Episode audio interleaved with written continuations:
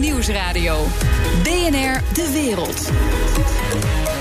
Bernard Hammelburg. Welkom bij het beste binnenlandse programma over het buitenland. Straks zitten de Amerikanen achter de machtsgrepen in Venezuela en wat betekent het voor Nederland als de chaos in dat land nog groter wordt. Maar nu eerst. Er wordt niet over ontwapening gepraat. Daarom moet je dus, en we noemen niet voor niks de Verenigde Naties, moet je om te beginnen eens zorgen dat er een aantal mensen van naam en faam over gaan praten überhaupt. Want dat gebeurt helemaal niet. Oud-minister van Buitenlandse Zaken Jaap de Hoop Scheffer. De kernwapenmogendheden moeten dringend in overleg om, nieuwe kern, om een nieuwe kernwetloop te voorkomen. Nederland zou hierin via de Verenigde Naties een belangrijke rol kunnen spelen. Dat schrijft de Adviesraad voor Internationale Vraagstukken in een rapport aan minister Blok van Buitenlandse Zaken. De AIV is een adviesorgaan voor de regering. Ik praat erover met Joris Voorhoever, oud-minister van Defensie en als lid van de Adviesraad verantwoordelijk voor de nota. Dag meneer Voorhoeven. Goedemiddag. U schrijft, u schrijft dat er een, eh, een nieuwe kernwapenoorlog dreigt. Hoe serieus is die dreiging? Um, om precies te zijn, de dreiging van een kernwapenwetloop.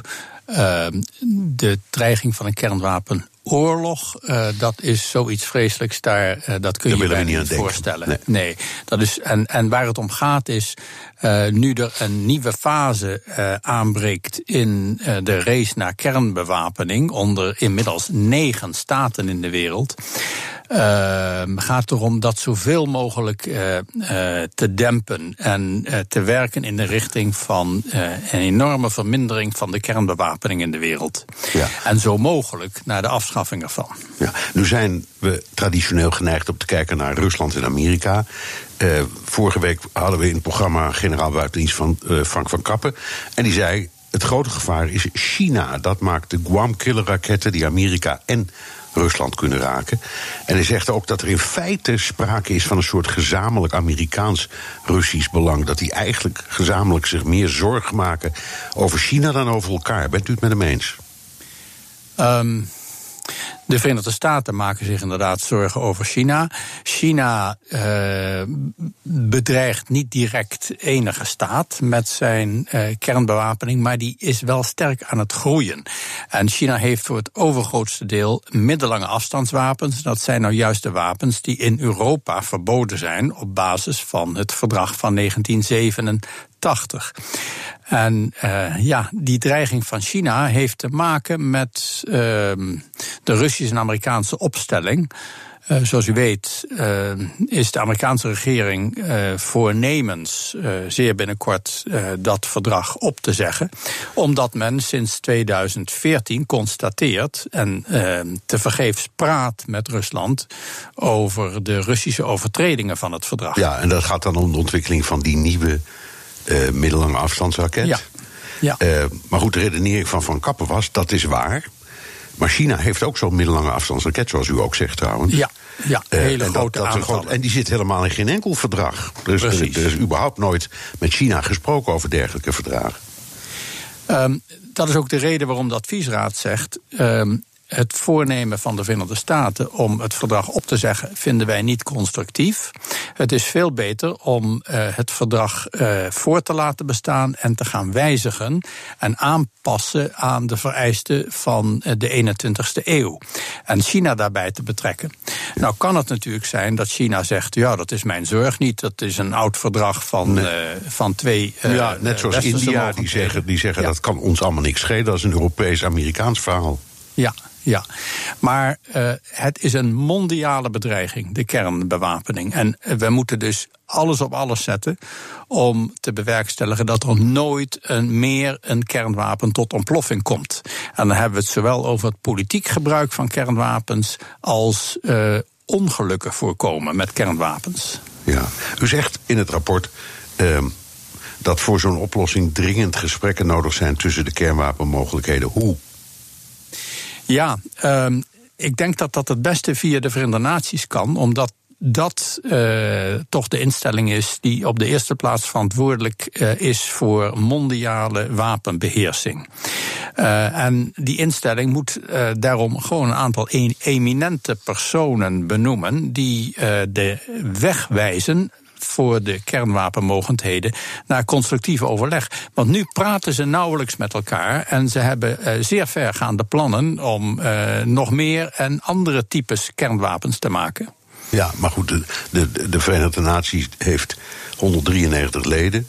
Um, voordat je daar iets overeind trekt, dan gaat er zeer geruime tijd voorbij. Dat, dat doe je ja. niet zo snel. U schrijft in het rapport: Nederland zou een rol kunnen spelen via de algemene vergadering van de Verenigde ja. Naties. Wat moeten we ons daarbij voorstellen, meneer Voorhoeven? Een initiatief nemen, dat bij de secretaris-generaal van de VN op tafel leggen, dat bespreken met onze bondgenoten en met onze vrienden elders in de wereld. Uh, ik denk dat er veel steun voor een dergelijk voorstel zal zijn. Maar de vraag is niet, komt het voorstel van de grond? De vraag is, gaan de negen kernwapenmogendheden dit blokkeren? Ze hebben geblokkeerd om mee te werken met een uh, algeheel verbod uh, van kernwapens. Hè. Dat is aangenomen in de Verenigde Naties met uh, heel veel stemmen. Maar geen van de negen kernwapenstaten heeft enige bereidheid getoond dat te gaan uitvoeren. Nee, en nou eventjes om het, om het nou maar wat, wat cynisch voor te stellen. Nou komt het kleine Nederland in de Algemene Vergadering van de Verenigde Naties, die, eh, waarvan de besluiten niet bindend zijn. Uh, en die zegt: uh, Wij doen een voorstel aan de secretaris-generaal om te kijken of hij een commissie kan benoemen om daar iets aan te doen. Dat, ja. dat, dat is toch, met alle respect, daar gaat toch niks opleveren. Nou, het kan natuurlijk mislopen. Uh, maar je moet toch doen wat je kunt. Je kunt de uh, situatie niet op zijn beloop laten. Want vroeg of laat loopt dit uit de hand. Um, en er worden uh, met name aan de modernisering van kernwapens enorme bedragen besteed. die veel beter voor andere nuttige onderwerpen in de wereld zouden kunnen worden aangewend. Um, Nederland is wel een klein land, maar het is een NAVO-bondgenoot. Het heeft in de NAVO ook een taak. Het uh, draagt bij aan het afschrikwekkend vermogen van de NAVO, het oorlogsvoorkomend vermogen. Dus het heeft recht van spreken in de NAVO. En de NAVO bevat een aantal belangrijke landen, ook lid van uh, de Veiligheidsraad van de, van de VN, uh, uh, Frankrijk, Groot-Brittannië en de Verenigde Staten. Ja, we zitten nu met een wat merkwaardige Amerikaanse president, waar weinig constructiefs van uitgaat. Maar dit kunnen we niet op zijn beloop laten. Nee, dus nee, we moeten als klein land doen wat we kunnen. Precies, maar even een paar dingen. Als klein land zaten we uh, vorig jaar in de Veiligheidsraad, hadden we dit niet vorig jaar in de Veiligheidsraad aan de orde moeten stellen. Want die is wel invloedrijk. Ja, uh, daar hebt u een punt. Uh, dat zou een ideale mogelijkheid zijn geweest. Nederland heeft toen ook wel over de wapenbeheersing gesproken, over veel andere dingen ook.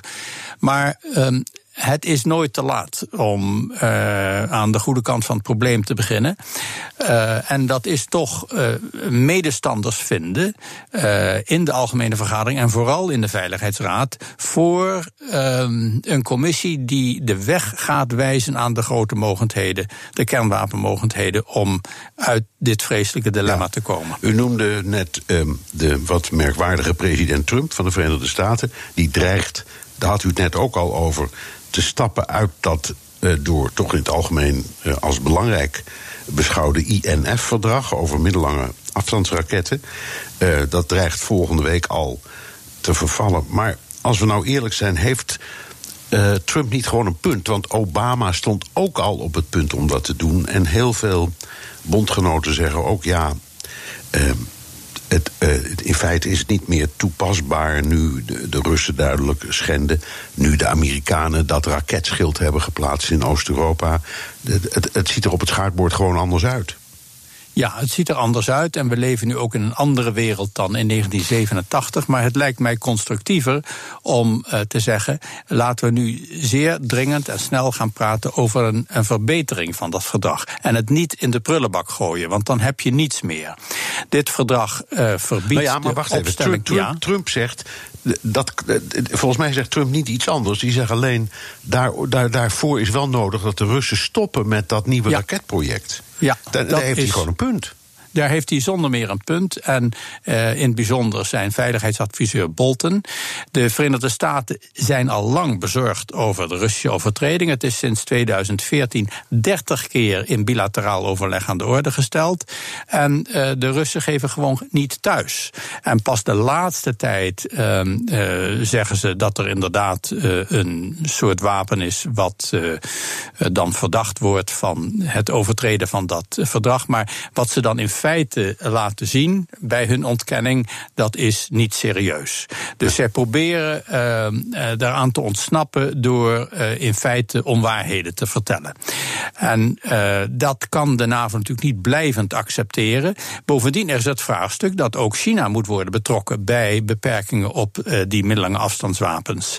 En wij hebben in ons rapport, waarin we niet al te diep op dit vraagstuk zijn ingegaan, ook gesteld, de Nederlandse regering, als u dat wenst, willen wij daar graag nader over adviseren hoe dat aan te pakken.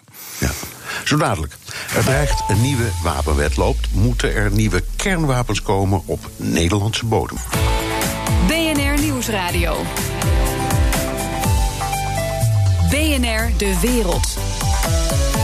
De Russen hebben raketten opgesteld op de Krim en in Kaliningrad, gericht op Europa.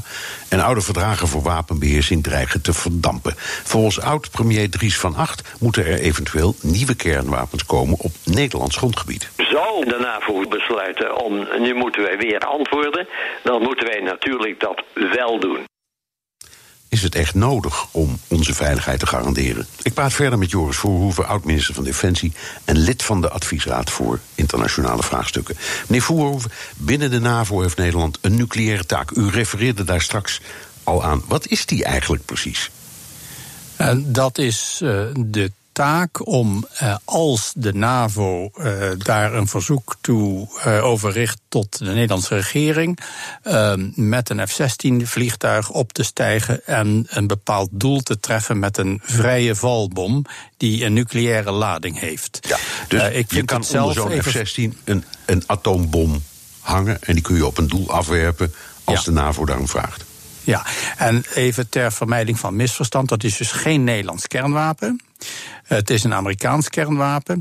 En ik teken erbij aan dat het mij hoogst onwaarschijnlijk lijkt dat ooit uh, een Nederlandse regering uh, een. Uh, ja, ja, zelfstandig zou zeggen, Zelfs, nou gaan we eens atoombommen dat gooien. Kan sowieso, dat kan sowieso niet. Nee, nee, het is eigenlijk meer een uitdrukking van uh, Atlantische solidariteit, ja. dus van de bondgenoten, omdat het ook niet goed is als uh, die uh, moeilijke taak, die ethisch ook heel erg moeilijk is, oorlogsvoorkoming door dreiging, alleen maar door de Verenigde Staten en dan de twee kleinere kernwapenmogendheden Frankrijk en ja. Groot-Brittannië worden gedragen. En daarom zijn er een paar Europese landen die hebben gezegd: uh, wij aanvaarden zo'n uh, uh, min of meer symbolische taak. Dat brengt, ons, dat brengt ons op de opvolger van de F-16, de JSF, de F-35. Gisteren is of dan officieel de eerste daarvan overgedragen.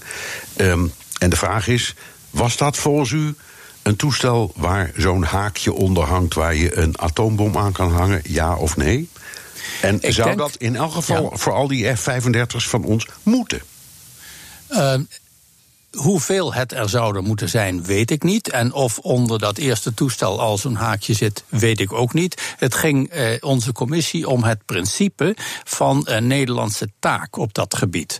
En daarvan hebben we gezegd: het is uh, verstandig om die taak voort te zetten, de oude F-16-taak. En niet nu te zeggen: nee, dat doen we niet meer. Want als je zegt: nee, dat doen we niet meer, dan heeft dat een aantal gevolgen. Uh, die uh, zeer onwenselijk zijn. Uh, en het is in deze uh, onzekere tijd en ook met alle problemen in het Atlantisch Bondgenootschap en met de Amerikaanse president verstandiger om nu niet nee te zeggen. Dat nee. is het advies van de nou, commissie. Nou, het, het, het opmerkelijke is, is dat ze er in Den Haag, waar u zit op dit moment, een beetje vaag over doen of dat, dat eerste toestel wel of niet van zo'n haakje is voorzien. Mijn indruk is eerlijk gezegd van wel, maar hoe dan ook. Door de jaren heen heeft een meerderheid van de Tweede Kamer zich voortdurend tegen de versie met dat haakje verzet. Moet het ja. kabinet, wat uh, uh, de adviesraad betreft, gewoon duidelijk zijn en zeggen: wij kiezen wel degelijk voor, de, voor een aantal toestellen uh, met zo'n haakje? Um, het kabinet is nu aan zet en uh, de taak van de adviesraad is uh, niet een, uh, part, een, een, partijpolitieke. Er zijn een aantal partijen voor de voortzetting van die F-16-taak en ook een aantal tegen. En het is dus aan het kabinet, in het bijzonder de ministers van Buitenlandse Zaken en Defensie, om uiteen te zetten welk beleid de Nederlandse regering kiest. De regering heeft in vragen, in antwoord op vragen van de Kamer steeds gezegd: we wachten eerst het advies van de adviesraad af. Ja, nou, maar en ik lees, ik lees een persbericht over van uw eigen adviesraad uh, van vandaag. Toch heel duidelijk. Ja, dat haakje moet er wel aan. Ja, en uh, misschien is het goed om uit te leggen waarom we dat uh, zeggen. Want dat, dat kan uh, ook uh, een belangrijke rol gaan spelen. Als Nederland nee zegt, uh, verliest Nederland een stuk van zijn invloed. We moeten natuurlijk niet die invloed overschatten, maar het is wel belangrijk om mee te praten met grotere mogendheden op dat kernwapendossier. Als je nee zegt, dan ben je verder voor hen niet meer van belang.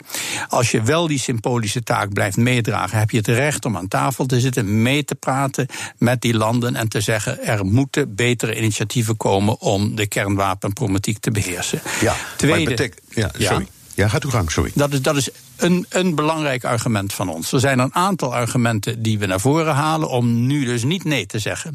Een ander argument, wat ik persoonlijk ook politiek erg belangrijk vind. Als Nederland nee zegt, dan zou het wel eens zo kunnen zijn dat een Oost-Europees land, eh, wat aanzienlijk groter is en dicht tegen Rusland aan ligt, zegt: Nou, mooi Nederland, geef die taak maar hier. En dan heb je natuurlijk de kat in het gordijn, in de gordijnen in, in Moskou. Uh, het is, uh, dan je echt de, de Oost-West verhouding. Dus ik denk dat Nederland er goed aan doet dat risico te verkleinen en te zeggen: wij gaan door met deze taak. Ja, het, het heeft, het, heeft consequenties. Um, er liggen nu, daar mogen we dan officieel nooit over praten, maar iedereen weet het, in Volkel nog uh, uh, atoombommen uit de generatie uit de jaren 80 van de vorige eeuw. Uh, als ik, er moet nogal wat aan gebeuren om die dingen zo om te bouwen. Dat kost een half miljard of zoiets. Om ze geschikt te maken om te gebruiken. Uh, moeten we zeggen, nou daar doen we het dan mee? Of moet Nederland ook bereid zijn om te zeggen, dan nemen we om, om, om het te Polen, bij wijze van spreken, te verhinderen, ook andere kernwapens, nieuwere, uh, op ons grondgebied? Um, het ligt wat anders. Uh, het oude uh, wapen, dat dus onder de F-16 kan hangen, dat is inderdaad 50 jaar oud. En dat moet alleen al om technische redenen en voorzichtigheid uh, moet dat worden vervangen. Ehm, er komt een nieuw vergelijkbaar wapen, dat technisch denk ik wel op enkele punten zal afwijken, maar dezelfde soort politieke taak krijgt. En ehm, daar gaat het om. Ja, dus dan zou de B61, want zo heet die geloof ik, uit Volker verdwijnen. En dan komt er een ander voor in de plaats. Uh, waar die uit verdwijnt, dat. Nou ja, oké, okay, maar. dat, uh, dat uh, doet er even niet toe, maar ergens in Nederland komen dan nieuwe bommen. Er uh, komt dan uh, een vervanging van de oude uh, door iets nieuws. En Nederland wordt geacht dan in staat te zijn dat zo nodig in te zetten. Worden we, meneer Voorhoeven, daarmee niet ook een groter doelwit? Want de Russen zeggen: pas op, elk land dat kernwapens heeft, is voor ons een doelwit. Ja, de Russen dreigen uh, openlijk met inzet van kernwapens. Uh, dat is al heel lang zo. En ook in het kader van de Oekraïne-crisis en het uh, inpikken van de Krim en nu van de, de zee van Azov, heeft Poetin het nodig geacht om af en toe de luisteraar te herinneren aan het feit ja, dat maar hij kernwapens toch, dan heeft. Dan kun je toch ook zeggen, nou, laten die Polen hem dan maar nemen. Dan zijn wij eraf. Um, Kijk, we zitten in een bondgenootschap wat gezamenlijk voor de veiligheid moet zorgen en ook gezamenlijk voor beheersing van de spanningen en voor een goede inzet in het kernwapenoverleg. En dan moet je dus geen dingen gaan doen uh, waardoor de Russen het bloed in de ogen krijgen. Ja. Um, een andere kwestie. We hebben in de jaren tachtig hadden we de raketkwestie. Toen was uh, vanwege het gevaar van middellange afstandsraketten de redenering Uh, die moeten ook in West-Europa komen. Nederland was dan een van, van de landen. Daar moesten kruisraketten worden geplaatst. Dat heeft tot enorme spanningen ge geleid. Zou Nederland onder deze omstandigheden ook bereid te zijn bereid moeten zijn op, om op ons grond, grondgebied nieuwe raketten te plaatsen. Als dat in, in dit strategische plaatje zou passen. Ja, eh, mag ik eerst een formeel antwoord geven en dan een meer inhoudelijk. Formeel is, daar hebben wij ons als commissie niet uh, uh, over gebogen. Dat vraagstuk is nog niet aan de orde. Wat aan de orde is dat de NAVO nu zes maanden heeft om uh, hard na te denken en met Rusland te praten over hoe lossen we dit op. Want de Russen moeten iets doen om die problematiek van de overtreding van het verdrag op te lossen. Als zij dat blijven blijven weigeren dan zal de NAVO zich daarover moeten beraden. Nederland speelt dan in dat beraad natuurlijk een rol, maar dan gaat het ook om Duitsland, om Frankrijk, en Groot-Brittannië en uh, alle andere Europese NAVO-leden en uiteraard de Verenigde Staten. En uit dat beraad zal dan een gezamenlijk beleid voortkomen als onderhandelingsinzet met Rusland. En het plaatsen van uh, kernwapens op Nederlandse bodem uh, is in die zin dus nu helemaal niet aan de orde. Um, en ik denk dat niemand in Europa zit te wachten op een herleving van dat vreselijke kernwapendebat in uh, de jaren tachtig. Ja, met dat beruchte dubbelbesluit. Maar goed, het heeft uiteindelijk wel gewerkt. Dat kunnen we. Um, ja, ja, het heeft gewerkt dankzij uh, twee heel verstandige leiders. Uh, op dit gebied althans. Uh, Reagan en Gorbachev. Gorbachev, die, precies. afspraken. Ja, we, net we doen ze weg. Ja, ja. ja. heel kort vraagje nog even. U had het er al over. maar hoeft alleen maar in een ja en een nee, wat mij betreft. Kunnen we als NAVO eh, volgens u op de Amerikanen blijven rekenen? Ja. Uh, mag ik dat toelichten? Nou, Mensen maken... als het nog in een paar seconden kan, heel graag. Ja, ja. het gaat om de Verenigde Staten als staat. Uh, de Senaat, de volksvertegenwoordiging, die houdt de verdragen in, de, in, in zaken NAVO en het Amerikaanse lidmaatschap overeind. En wat de, Amerika de huidige Amerikaanse president daar ook uh, over zegt, dat twijfel wekt. Uh, we hebben een langdurige relatie met de Verenigde Staten en daardoor ook al 73 jaar vrede. Dat houdt niet op met het Trump Trump-tijdperk. En dan komt weer een nieuw tijdperk. Ja, komt ook weer een nieuwe president. Dank Zo is Joris Voorhoeven, oud-minister van Defensie... en lid van de adviesraad voor interne vraagstukken. DNR Nieuwsradio. DNR De Wereld. Bernard Hammelburg. De Italiaanse populisten grijpen alles aan om ruzie te maken met de Franse president Macron. Schilderijen, migranten, champagne, gele hesjes, Libië, wat je maar kan bedenken dus. En Macron probeert zich niet te laten provoceren, maar dat kost de zonnekoning van het Elysée wel moeite. Europa-verslaggever Jesse Pinster, is dit weer de Italiaanse minister Salvini die om zich heen aan het slaan is? Ja, het is vooral Salvini, maar niet alleen Salvini, want het is ook de minister Di Maio, de leider van de Vijf Sterrenbeweging. Dus nou ja, laten we even op een rijtje zetten wat ze allemaal tegen Macron zeggen. Te beginnen met Salvini, die zegt dat ja, Frankrijk zich maar eens moet bevrijden van deze slechte president. En quindi spero che i francesi possano liberarsi da un pessimo presidente. Ja, Salvini die lag al lang uh, op ramkoers met uh, de Franse president. Omdat hij bijvoorbeeld ook de grootste tegenstander van Macron, Marine Le Pen, openlijk aan het steunen is. En hij kwam ook een paar dagen later, na die uh, slechte presidentopmerking, nog met de opmerking dat er terroristen in Parijs champagne zitten te drinken en de Eiffeltoren bezoeken. En hij had het dan over ja, terroristen. Dan doelt hij op leden van de extreem linkse Rode Brigade die in Frankrijk wonen. Nou ja, en die zouden allemaal erg, wel erg goed ontvangen worden door de Franse president. En, en die Mayo, daar had je het net al over. Wat zegt de leider van de Vijf Sterrenbeweging? Ja, die heeft het er weer over dat Frankrijk armoede en migratie veroorzaakt in de voormalige Franse koloniën in Afrika. Se oggi noi abbiamo gente che parte dall'Africa perché alcuni paesi europei, con in testa la Francia, non hanno mai smesso di colonizzare l'Africa. Ja, het gaat de Italiaanse uh, minister hier om uh, de landen die de CFA-franc gebruiken. Dus dat is een, een munt die ze daar hebben en die is gekoppeld aan de euro en daar zit een soort garantie van Frankrijk uh, aan vast. Dat zijn vooral landen in West-Afrika, voormalige koloniën. En hij zegt ja, dat ze eigenlijk een soort verschrikkelijk economisch beleid vanuit Frankrijk doen, waardoor die migratie op gang komt. Maar die claim is vrij idioot, omdat juist de migranten die naar Europa komen, nou net niet uit deze landen komen. Maar goed, dat houdt uh, Di Maio niet tegen. En die heeft trouwens ook weer zijn eigen oppositie in Frankrijk die die graag steunt. Maar in zijn geval is dat dan vooral uh, de, de gele hesjes. Oh ja, en, en dat schilderij noemde hij aan het begin. Hè. de Italianen die zitten ook nog een beetje te sarren door een kunstwerk van Leonardo da Vinci niet uit te, te lenen aan het Louvre. Echt alles ja. doen om vervelend te zijn. Zeg maar. maar Macron wil zich niet op de kast laten jagen.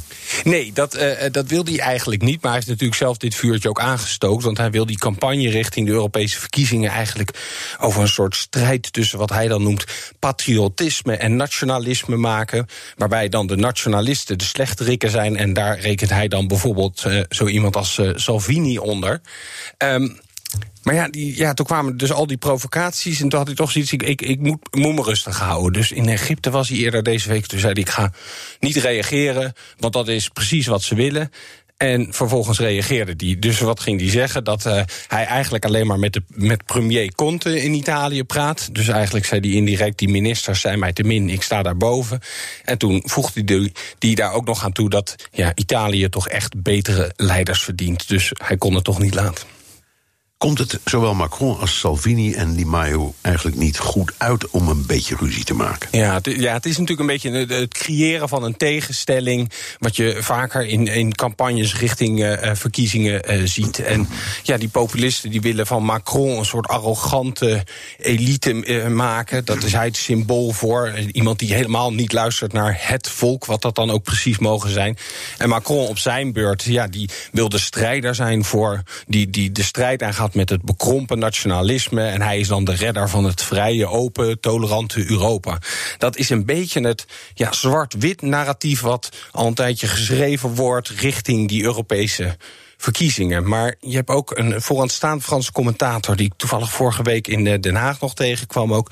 Dominique Moïsi. En die, zei, uh, die heeft een column daarover geschreven. En die zegt, ja, er speelt hier toch wel meer op de achtergrond. Weet je, dit zijn emoties tussen deze twee landen. Frankrijk dat inmiddels toch een beetje neerkijkt op Italië... en Italië wat woedend wordt... en vanuit een soort minderwaardigheidscomplex. Dus deze analist zegt, waarschuwt eigenlijk Macron... waarschuwt Frankrijk om niet al al te arrogant te zijn en toch eens een keer ja, een beetje zelfreflectie te tonen. Kijken van waar komt die Italiaanse woede vandaan? Daar kunnen we in Frankrijk nog een hoop van leren. Maar ja, de vraag is of er nou heel veel ruimte voor zelfreflectie is in een tijd dat er campagne gevoerd moet worden en er verkiezingen aankomen. Zo is dat. Dankjewel. Europa-verslaggever Jesse Pinster. The Donald Show. Tijd voor een update over de United States of Trump met Jan Postma, onze eigen correspondent in Washington. Jan, zondag is het tijd voor de Super Bowl. Dan draait alles hier in Amerika even om voetbal. Maar ook Trump speelt die dag een rol. Ja, want hij gaat een uh, interview geven aan CBS. Dat is de zender die de Super Bowl ook uitzendt. Ze roleren dat elk jaar. Het is natuurlijk uh, ja, het sportevenement van het jaar hier. Hè. Daar en, kijken honderd miljoen mensen naar. En een moneymaker van heb ik jou daar. Ongelooflijk inderdaad. Ja. Het, uh, inmiddels zijn de, de, de reclames rond de Super Bowl zijn al net zo groot nieuws als die Super Bowl uh, zelf. Dus dan, ja. dan weet je wel hoe dat gaat. Um, maar goed, dat is dus een enorm hoge kijkcijfers. En dat is wel een mooi moment natuurlijk om als president ook even in beeld te komen. En dat is een beetje een presidentiële traditie geworden. Wel een hele nieuwe, moet ik zeggen. Sinds George W. Bush die is ermee begonnen. En Obama heeft daarna elk jaar eigenlijk een interview gegeven voor de Super Bowl tijdens zijn presidentschap. Trump deed het in zijn eerste jaar. Dat was met Bill O'Reilly die hij natuurlijk goed, goed, kent van Fox News. Maar vorig jaar niet. Dus het is wel opvallend dat hij dit jaar wel doet. Want dit is zijn eerste niet-Fox-interview in nou, best wel een tijdje. Ja. Het is duidelijk voor welk team Trump gaat juichen. Ja, uh, dat is namelijk het team dat hij al uh, feliciteerde via Twitter toen ze de finale haalden. De New England Patriots, een team uit de buurt van Boston. Nou, uh, en het andere. Ja, ja, heerlijk. Hè? Typisch Amerikaans. De Patriots. Hoe kan je daar als Amerikaan niet voor zijn? Nou, het, het, andere team eh, kreeg geen felicitaties. De LA Rams. Dus dan weet je wel een beetje wat de verhoudingen zijn. En de Patriots zijn echt Trumps team. Uh, hij is goede vrienden met de eigenaar van de club, met de coach en ook met de sterspeler. Dat is Tom Brady. Uh, echt de ster van het team. De quarterback. Een held in Amerika. En hij, uh, hij golft ook regelmatig met de president. En hij staat echt bekend als een Trump-supporter. En Trump is daar heel trots op. dit is bijvoorbeeld Trump op een campagne uh, vlak voor de verkiezingen in uh, 2016. Tom Brady. Great guy. Great guy. Great guy, great friend of mine, great, great champion, unbelievable winner. He called today and he said, Donald, I support you, you're my friend, and I voted for you. Ja, hij, uh, hij, is zo gek op die Brady dat uh, Trump zelfs tegen meerdere mensen heeft verzucht dat hij uh, ook Tom Brady als schoonzoon had kunnen hebben, maar dat zijn dochter Ivanka nou eenmaal niet meewerkte. Die koos voor Jared Kushner. en ja, dat is, die is iets minder sportief natuurlijk, dus dat vond Trump jammer. Ja, en die, die club, de Patriots, zit in het noordoosten van de Verenigde Staten. Nou, dat is traditioneel democratisch, maar het is niettemin uitgegroeid tot een symbool voor Trumpisme. Ja, klopt. Dat is wel heel opvallend. Want ik geloof Boston uh, dat iets van 80% daarvoor Hillary Clinton stemde in 2016. Uh, maar het is een beetje uitgegroeid tot een club waar ze buiten Boston eigenlijk niet zo enthousiast over zijn, die Amerikanen. Ze hebben de laatste uh, tijd heel veel gewonnen. Uh, een beetje te veel misschien wel. Er zijn ook wat valsspeelincidentjes geweest. Dus als je een Patriots-fan bent, dan heb je buiten Boston echt wat uit te leggen. En een paar alternatieve rechtse websites, je kent ze wel, Breitbart, de Daily Caller, dat soort sites die leggen heel duidelijk die link met Trump. Die zeggen dat de Patriots uh, uh, ja, minder uh, positief benaderd worden... omdat ze ook slechtere pers krijgen, omdat er die link met Trump is. En toen de Patriots bijvoorbeeld ook in een vorige Super Bowl... terugkwamen van een grote achterstand en toch wonnen... toen vergeleek Breitbart, die andere site, dat met de verkiezingsoverwinning van Trump in 2016. Ze zeiden toen van, mooi, nu moeten weer al die analisten en commentatoren hun woorden inslikken. Dus ja, die link wordt echt heel duidelijk gelegd. Het is een beetje de, de MAGA-petje club geworden. Ja, er is nog een hoop gedoe over de halftime show, wat ze in de pauze doen, in de rust. En dat heeft ja. ook met Trump te maken. Ja, ja, dat is ook weer net, zo belangrijk, misschien nog wel belangrijker als die sport zelf. Uh, gedoe over de optredens. Uh, verschillende grote artiesten wilden niet optreden. En dat, heeft dan met dat knielen te maken tijdens het volkslied. waar Colin Kaepernick, weet je wel, dat was de leider een beetje van die beweging. een protest tegen politiegeweld. Nou, Rihanna en Jay-Z die zeggen, wij zijn solidair met die Kaepernick. Dus wij gaan niet optreden. Maar ja, een andere, uiteindelijk gaat iemand ja zeggen. En dat was in dit geval Maroon 5. Een wat gladde popband uh, met voornamelijk blanke uh, mannen. En, in dat hele knielen daar zit natuurlijk ook een raciaal component. En ja, in Atlanta, de stad van de hip-hop, gaat dus een blank popbandje optreden. Dus je kan je voorstellen dat daar veel ge, gedoe over was. En dat knielen, ja, dat, dat heeft dus uiteindelijk invloed op die, op die show tijdens de halftime. En het was natuurlijk ook weer Trump die die discussie echt tot een nieuw hoger niveau bracht. En dat echt tot een groot ding maakte. Dus ook dat, daar gaat het dan weer veel over. Dus het gaat heel veel over politiek. Uh, je zou bijna vergeten dat er ook nog een wedstrijd wordt gespeeld. Dankjewel, correspondent Jan Posma vanuit Washington. En zo dadelijk hebben Rusland, China en Cuba gelijk. En zit Amerika achter de staatsgreep in Venezuela? Straks Latijns-Amerika-expert Barbara Ogenboom. BNR Nieuwsradio. BNR De Wereld. Amerika zit achter de machtsgreep in Venezuela en riskeert daarmee een tweede Vietnam. No permitamos un Vietnam en América Latina. Si los Estados Unidos pretenden intervenirnos, tendrán un Vietnam peor que el que se han podido imaginar. No permitamos violencia. Dat zegt de verguisde president Nicolás Maduro in een gelikt filmpje op Facebook. Hij vecht voor zijn politieke leven nu de Amerikanen en andere westerse landen de druk op Venezuela opvoeren en oppositieleider en parlementsvoorzitter Juan Guaido steunen, die zichzelf heeft uitgeroepen tot de nieuwe president. Ik praat erover met Barbara Hogenboom, directeur van het Centrum voor Studie en Documentatie Latijns-Amerika aan de Universiteit van Amsterdam. Welkom in de show. Ja, goedemiddag. Alle, allereerst, wat is er nou gaande in Venezuela? Is dit een Amerikaanse koep of nieuw Amerikaans imperialisme, zoals Maduro beweert, maar niet alleen hij, ook Rusland en Cuba bijvoorbeeld? Ehm, nou, op, dit op deze vraag is het antwoord heel simpel: is nee. Het is geen eh, Amerikaanse koep. Ehm, natuurlijk eh, is de VS bezig om ook invloed uit te oefenen op de processen in Venezuela. Maar de, de, ja, de kern van, van de, ja, wat toch wel lijkt een machtswisseling eh, te worden, is, is echt Venezolaans. Ja, maar goed, Trump die eh, zei zo snel: eh, ik erken die man. En Trudeau trouwens ook. Maar dat ging zo snel dat iedereen toen zei en dacht: nou, dan moeten de Amerikanen toch een beetje achter hebben gezeten. Maar u zegt dus, dat is echt niet waar, het is andersom. Eh, Het, is, eh, Guaido is niet een marionet eh, van Trump of iets dergelijks. Nee, er, er zal vast overleg van tevoren zijn geweest. Zo gaan dat soort dingen altijd. Misschien niet rechtstreeks, maar dan toch via tussenpersonen. Dat gebeurt al jarenlang. maar ook China bijvoorbeeld op momenten rond eh, 2014... dat het allemaal wat penibel werd voor het toen al Maduro-regime... ja, waren er ook van die geruchten van ook China gaat praten met een paar oppositiefiguren. Dus hè, er zitten zulke grote internationale belangen eh, in, in dat land. Ja. En ehm, ja, Laten we, laten, we, laten we die even oppakken. Ja. Wat zijn de belangen? In de eerste plaats, wat is het Amerikaanse belang? Ja, olie, maar is er nog iets anders? Ehm, nou, nee, het grootste is olie. Ehm, er komt veel Venezolaanse olie stroomt er eh, naar de VS.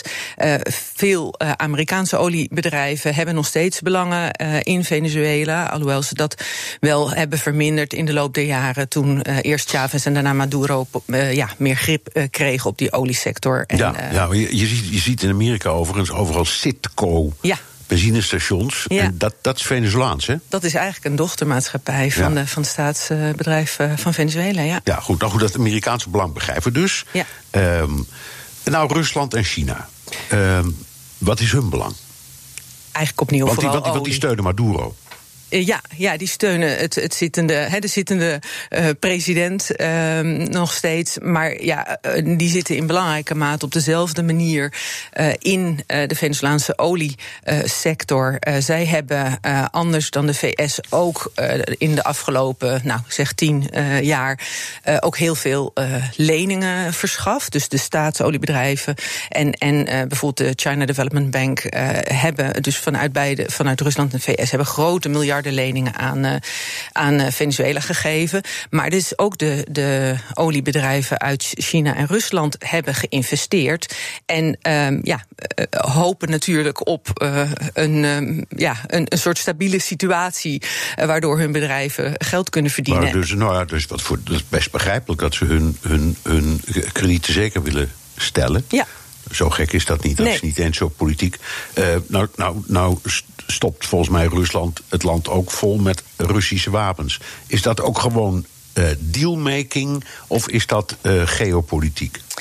Ja, nou, eh, eh, er zit natuurlijk een geopolitieke kant aan. Ook eh, China verkoopt trouwens wapens aan Venezuela. ehm, en dat is natuurlijk, nou ja, in, in de regio als Latijns-Amerika, zo dicht bij de VS, is dat natuurlijk toch wel een trend die heel erg nauwlettend gevolgd wordt vanuit de VS. Maar ik denk. ehm, eh, Ja, ik, las net nog weer een analyse van eh, Foreign Policy Research Institute. En, en daar zie je toch ook van ja.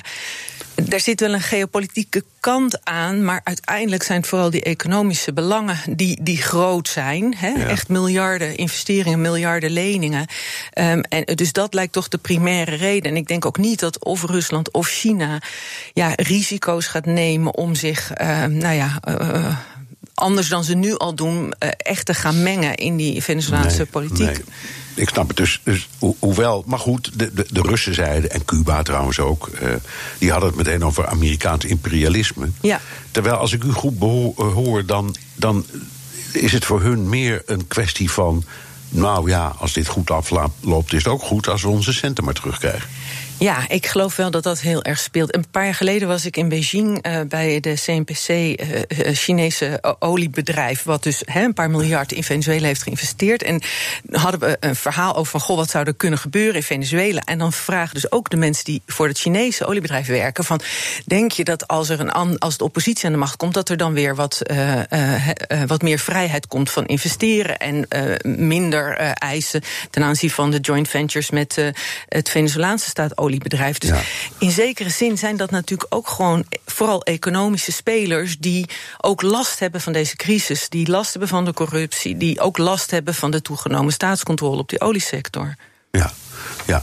Um, even uh, over de, de machtsgreep, staatsgreep, koep, hoe we het maar noemen, noemen ja. het. Um, 80% van de bevolking zit financieel aan de grond. De inflatie in dat land bedraagt 1,3 miljoen procent. Ik kan me daar niks nee. bij voorstellen. um, uh, het, het, land zit compleet aan de grond. Ja. Uh, met het socialistische experiment, zullen we maar zeggen, van Chavez en later Maduro. Kun je zeggen, ingrijpen was echt nodig? Um, nou, als je luistert naar de Venezolaanse bevolking, dan zit in ieder geval twee derde zit gewoon te springen om een oppositieregering.